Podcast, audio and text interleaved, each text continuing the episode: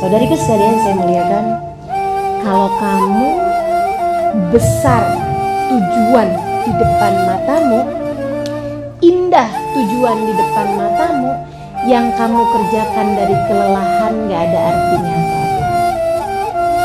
Nikmati proses hidupmu di dunia ini.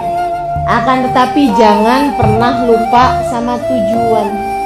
Jangan pernah lupa tujuanmu hidup di atas muka bumi ini, yaitu untuk mencari Allah Subhanahu wa taala, untuk mencari ridha Allah Subhanahu wa taala, untuk mencari surga. Itu tujuan hidup kita, nggak ada yang lain.